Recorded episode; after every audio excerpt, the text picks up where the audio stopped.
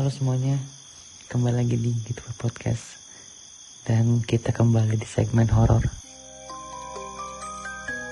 Ya, setelah kemarin banyak yang mendengarkan, kayaknya akan lebih baik kalau misalkan kita bikin part 2-nya. Dan sekarang cuman ada satu orang yang akan bercerita mengenai pengalaman horornya. Nah, jadi buat teman-teman silahkan didengarkan dengan baik-baik dan akan lebih bagus kalau misalkan teman-teman ikut ngebayangin juga jadi bakal kerasa seremnya dan selamat mendengarkan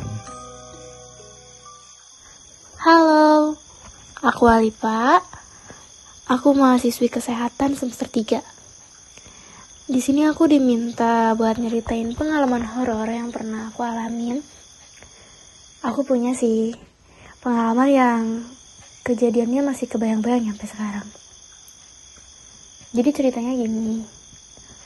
Waktu itu aku bukber gitu sama teman-teman. Karena hujan deras, jadi kita belum bisa pulang. Kita nunggu dulu hujannya reda. Itu mungkin sekitar pukul 9 atau setengah 10 malam juga. Kita itu posisinya di lantai 2, Nah, ada momen di mana kita tuh habis ngeliatin salah satu teman kita yang dijemput sama pacarnya. Biasalah kayak nyorakin gitu. Jadi kita pergi ke dekat pagar pembatas. Kebayangkan? Jadi kayak kita ngeliatin dari lantai atas ke bawah. Di situ situasi kafenya udah sepi banget. Ditambah angin yang begitu besar karena kan lagi hujan deras. Waktu itu juga dingin banget hawanya.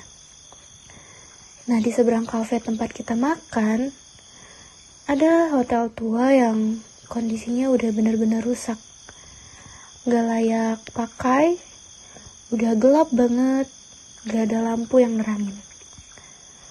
Hotelnya sekitar 4 atau 5 lantai gitu ya, aku lupa.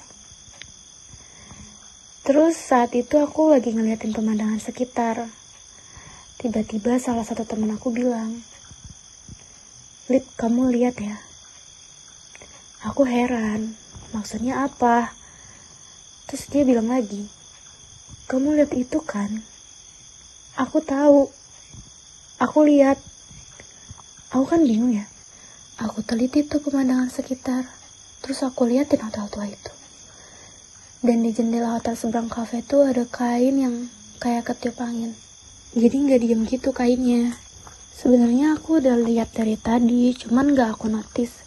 Aku kira itu cuman gorden, karena wajar aja gitu hotel ada gordennya. Mungkin itu bekas-bekas waktu hotelnya masih beroperasi.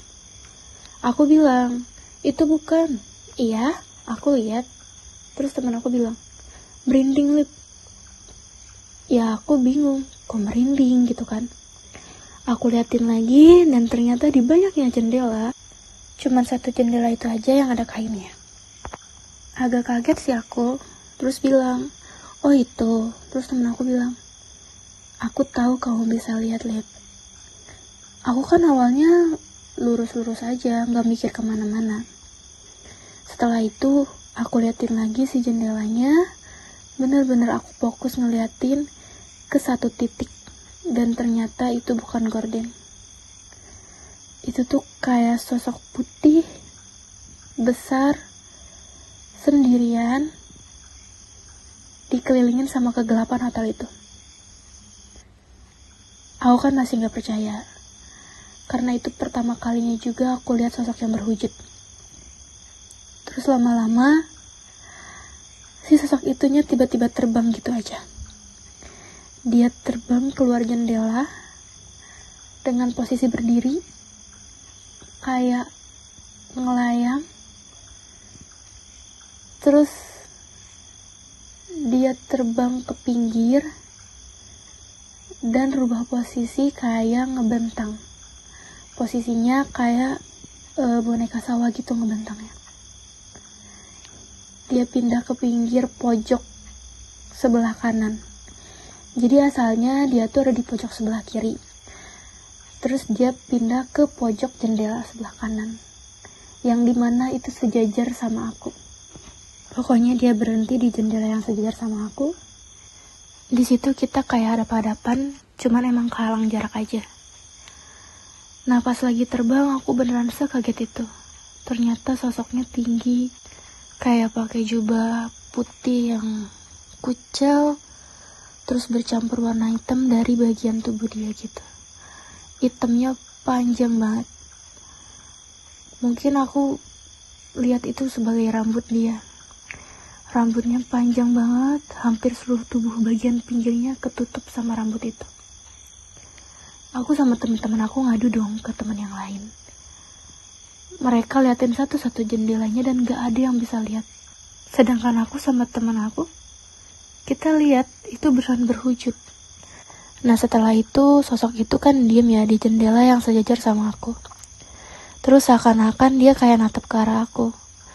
Dia tuh kayak notice kalau aku sama temen aku bisa lihat dia. Mukanya nggak begitu jelas, tapi aku bisa lihat lirikan mata dia. Kayak perasaan aku bilang kalau aku lagi eye contact sama dia. Itu tuh dia berdiri, rambutnya panjang banget. Bener-bener terurai ke bawah. Dan si bajunya gibas-gibas seakan-akan ketiup angin. Dan ada momen di mana kelihatan bahwa dia ngegoyangin kakinya itu diayun-ayun. Kakinya diayun-ayun. Terus si tubuh dia tuh beneran miring ke arah aku. Bukannya lurus yang ikutan arah jendela, tapi dia beneran miring hadap-hadapan sama aku. Kalau didefinisiin, wajahnya tuh tidak berekspresi, tapi matanya tajam banget. Matanya setajam itu. Aku udah takut banget. Di situ aku baca doa lah. Dan aku tetap lagi, ternyata masih ada dia benar-benar masih natap aku di situ. Terus kata temen aku udah kita pindah aja jangan diliatin. Kita balik lagi ke tempat duduk kita. Nah di situ aku benar-benar gak karuan gitu loh. Benar-benar merinding. Terus bagian leher aku tuh rasanya dingin banget. Kayak seakan-akan ada orang yang ngebisikin. Rasanya jadi pusing. Terus kayak pengennya tuh ngelamun. Aku nggak bisa mikirin hal lain selain mikirin sosok itu Nah, kebetulan di depan tempat kita makan ada dua pohon besar. Saat itu teman-teman yang lain lagi dengerin cerita. Entah kenapa, aku nggak bisa fokus dengerinnya. Aku nggak tahu kenapa rasanya pengen banget lihat ke pohon itu. Seakan-akan si sosok itu dia ngeliatin aku dari pohon itu. Kayak dia tuh pengen bikin aku merhatiin dia lagi. Dia seakan-akan beneran ada di sana. Dia beneran liatin aku dari situ. Ya, aku juga bingung kenapa dari 10 orang yang ada di sana, cuman aku sama temen aku aja yang bisa lihat sosok itu. Jujur aku masih nggak percaya sih. Temen aku bilang, kalau ini beneran makhluk kayak gitu, biasanya kita bakal sakit kalau udah lihat. Dan itu benar-benar kebetulan. Besoknya kita sakit dengan gejala yang sama, kayak mual muntah, pusing. Itu sama banget. Aku sih anggapnya itu sugesti, tapi kata salah satu keluarga aku yang mungkin dia paham, dia bilang tubuh aku terlalu shock gara lihat wujud makhluk selain manusia. Karena emang sejelas dan sedetail itu. Dari mulai gerak-geriknya dan wujudnya. Aku bener-bener gak mau lagi lihat yang kayak gini. Mungkin saat itu aku lagi sial aja kali ya. Intinya di mana pun kita berada, seharusnya kita bisa jaga diri kita. Karena sesungguhnya dunia ini bukan cuma tempat manusia aja kan banyak makhluk lain yang bahkan gak pernah kita bayangin kayak gimana. Ya intinya jangan lupa berdoa, selalu jaga sikap. Mungkin dia keganggu juga kali ya karena kita berisik gara-gara nyorakin teman kita di awal tadi. Ya kita nggak akan pernah tahu sih apa tujuan dan maksudnya. Ya intinya kayak gitu. Ya sekian dari aku. Aku harap teman-teman gak pernah ngerasain hal yang sama kayak aku. Karena ini bener-bener gak recommended buat diri rasain aku aja udah gak mau lagi ngerasain kayak gini lagi. Aku udah bener-bener kapok. Karena ini baru masih kebayang. Apalagi kalau misalnya tiba-tiba aku ngebayangin mukanya lagi ngebayangin gimana dia bisa ngelayangnya lagi yang keluar dari jendela itu. Kalau tiba-tiba inget itu lagi aku udah jadi orang penakut lagi. Makanya ini gak boleh banget kalian rasain. Uh, cukup dari aku Dadah. Ayo teman-teman, gimana ceritanya? Lumayan ya, agak mengerikan.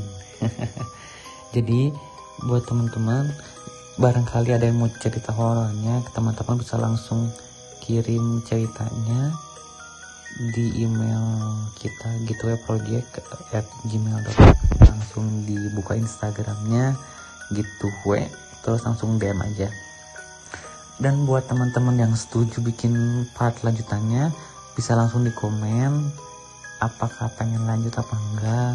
Terus kalau misalkan teman-teman punya saran buat konten spesial horror ini bisa langsung komen juga. Kayak misalkan teman-teman kayak pengen ngebahas horornya langsung nggak cuma cerita tapi kayak ada reviewnya gitu. Jadi buat teman-teman makasih banyak buat dengerin sampai akhir. Dan saya Paras cabut ciao